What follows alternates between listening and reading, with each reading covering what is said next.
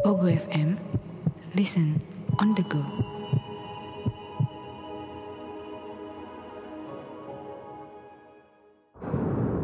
Hai, saya Chow Sing Sing. Selamat datang di podcast Horror Night Story. Pasang telinga, buka pikiran, dan biarkan rasa takut merayap di dalam dirimu. Selamat mendengarkan.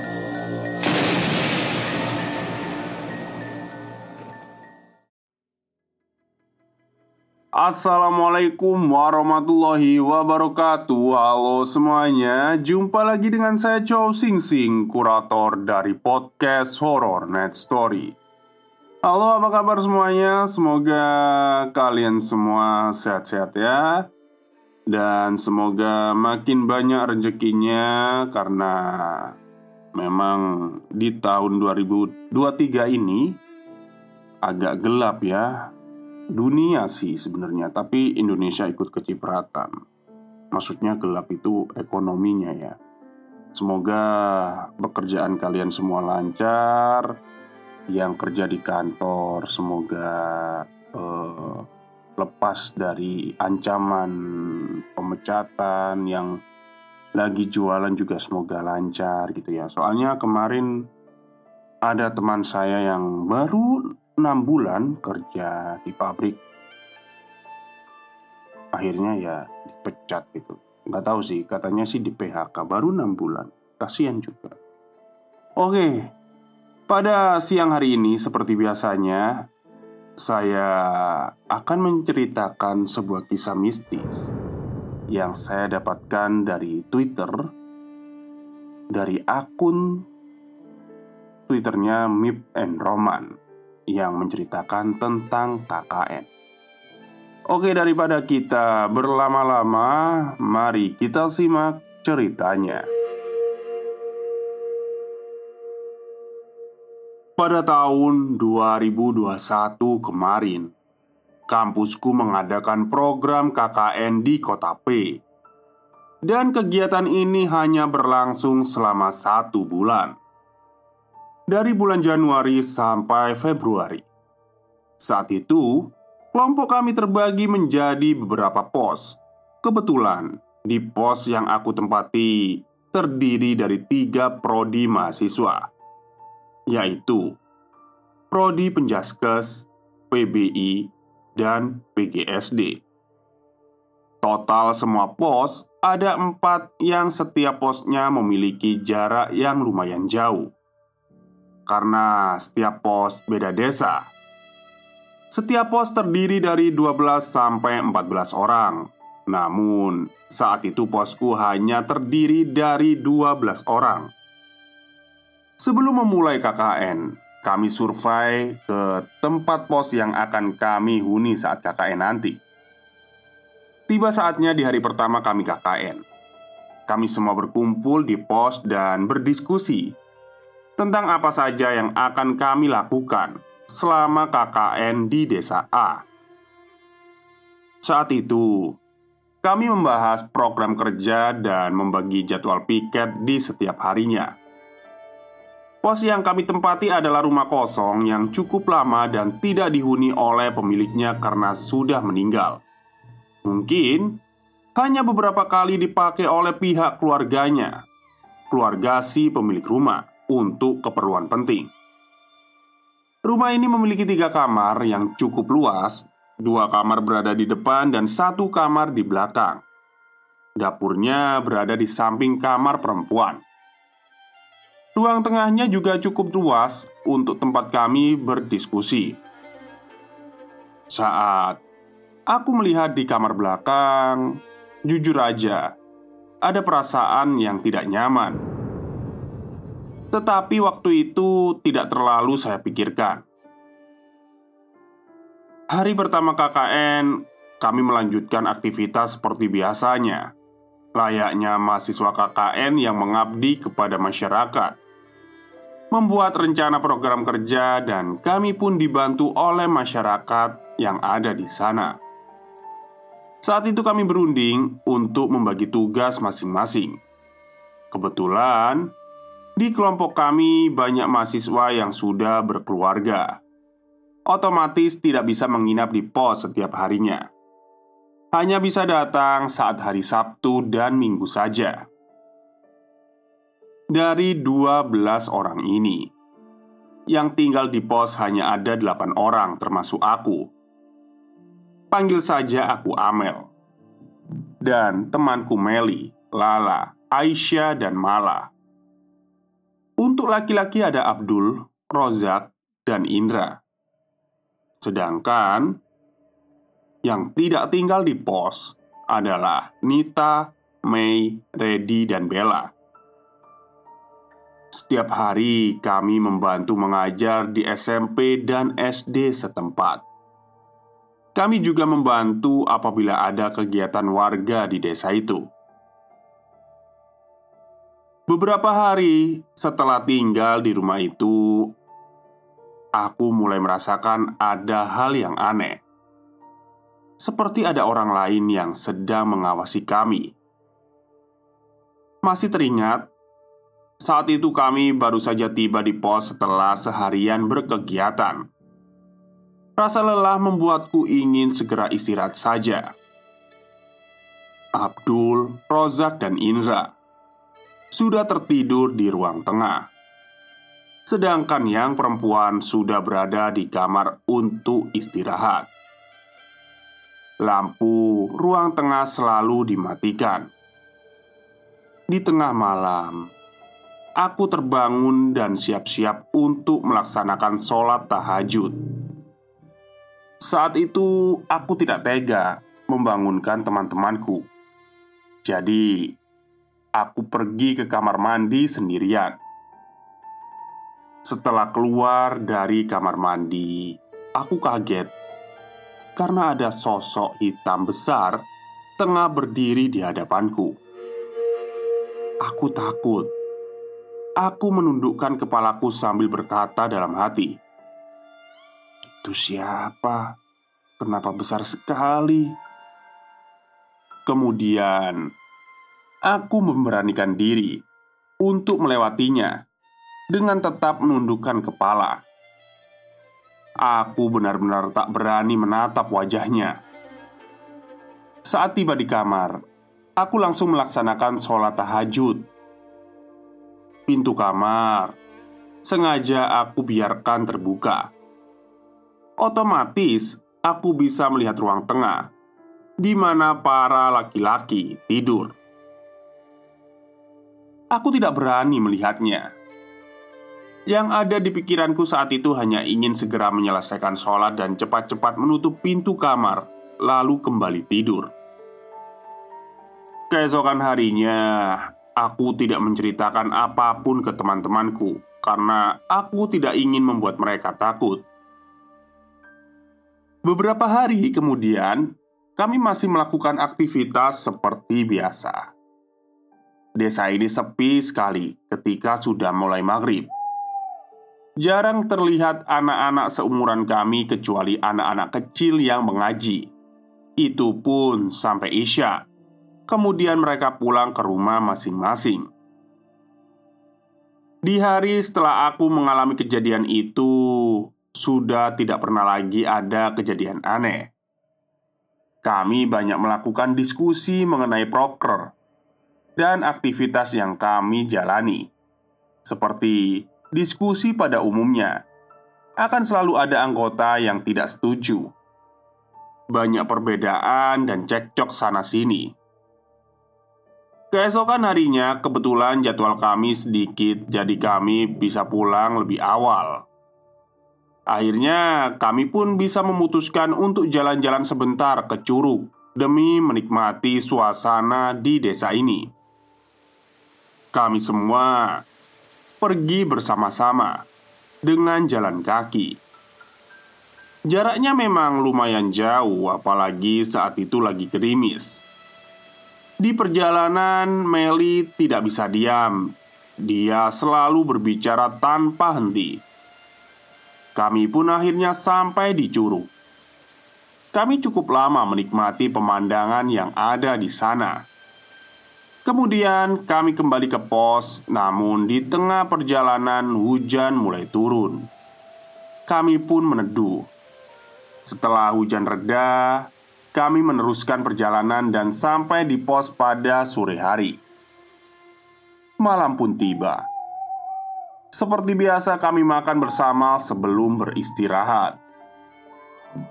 Malam semakin larut ketika pukul 11 malam. Aku malah terbangun karena mendengar cerita Meli yang sedang kesakitan sambil memegangi telinganya. Bahkan, dia sampai meminta pulang. Aku dan malah bingung, dan aku pun segera menghubungi orang tua Meli guna mengabarkan kondisi anaknya. Aku dan malah sempat berpikir, apakah Meli jadi seperti ini karena dia tidak bisa menjaga sikap saat dicuruk tadi sore. Kami pun masih berusaha menenangkan Meli.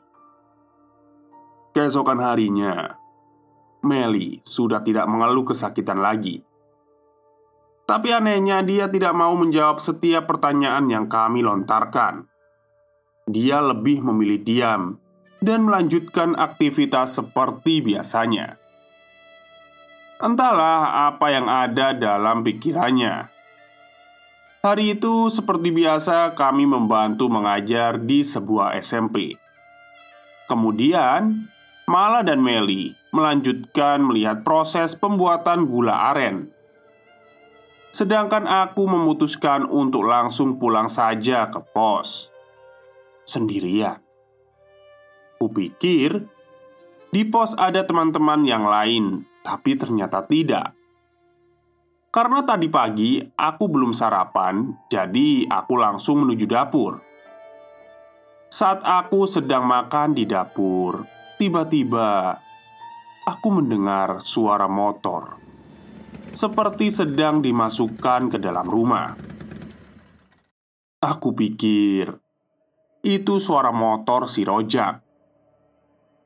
Aku pun langsung berteriak dari dapur untuk menyuruhnya makan. "Jak, sini makan dulu!" Teriakku dari dapur. Tapi anehnya, tak ada jawaban apa pun dari depan. Sunyi. Aku pun penasaran dan berjalan ke depan. Saat kulihat, ternyata pintu rumah masih tertutup rapat.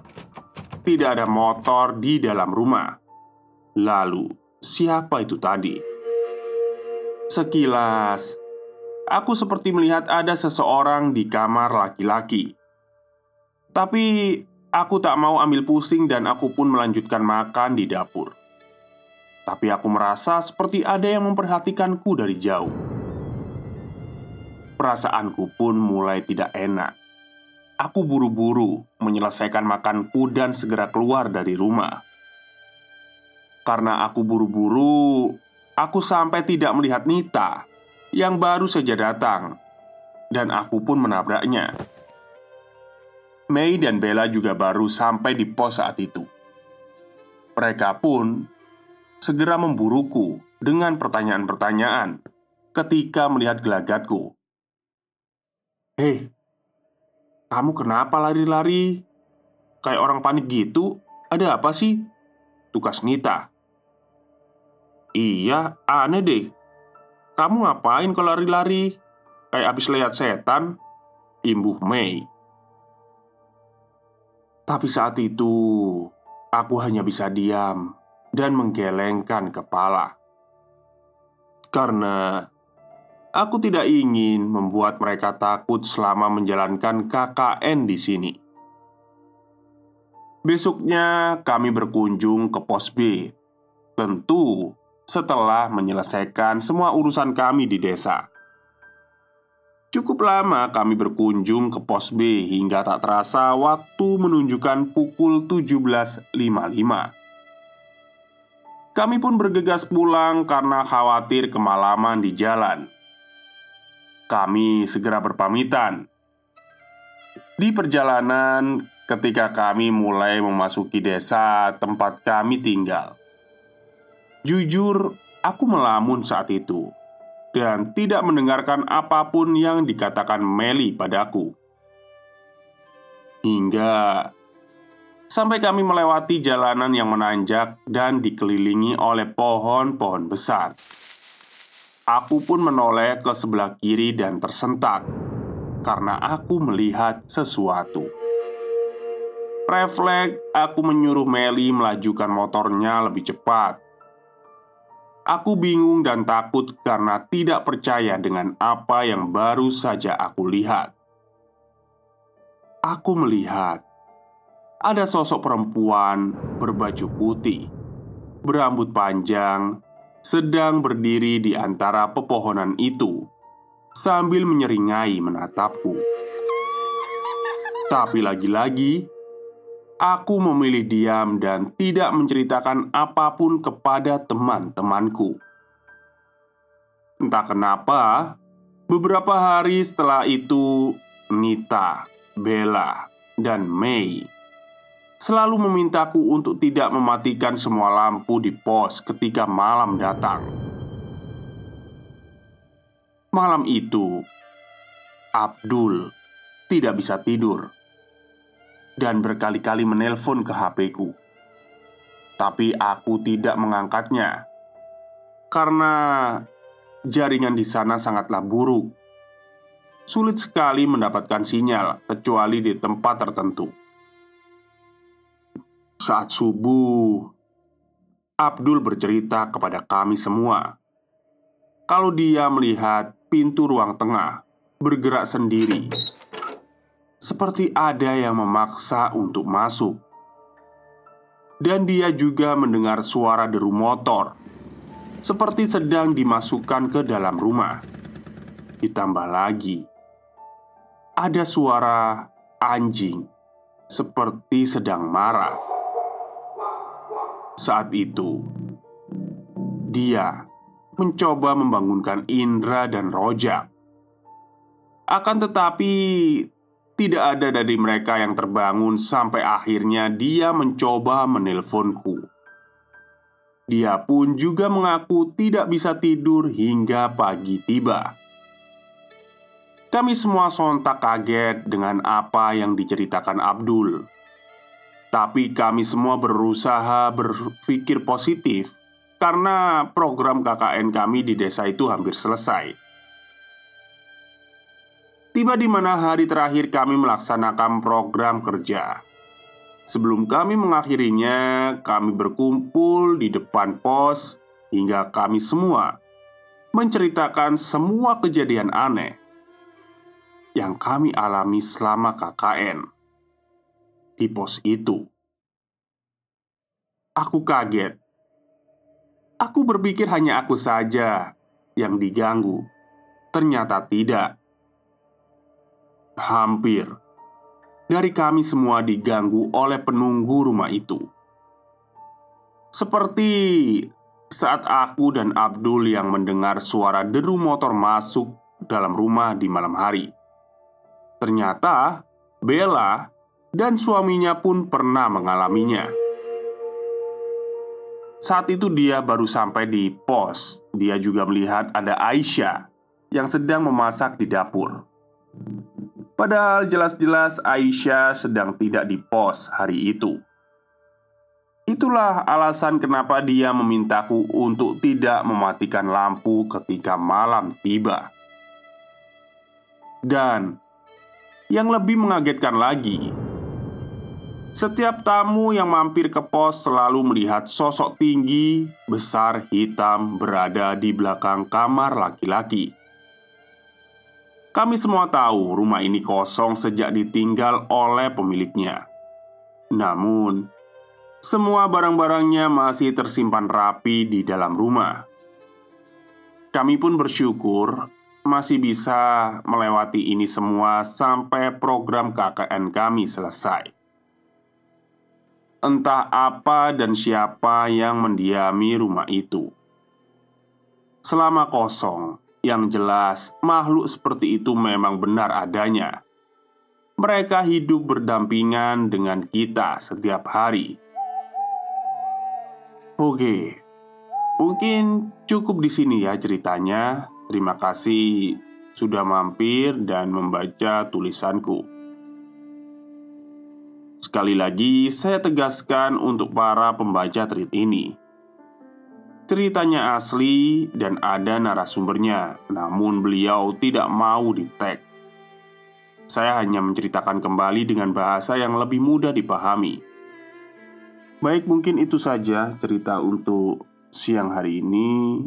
Kurang lebihnya saya mohon maaf. Wassalamualaikum warahmatullahi wabarakatuh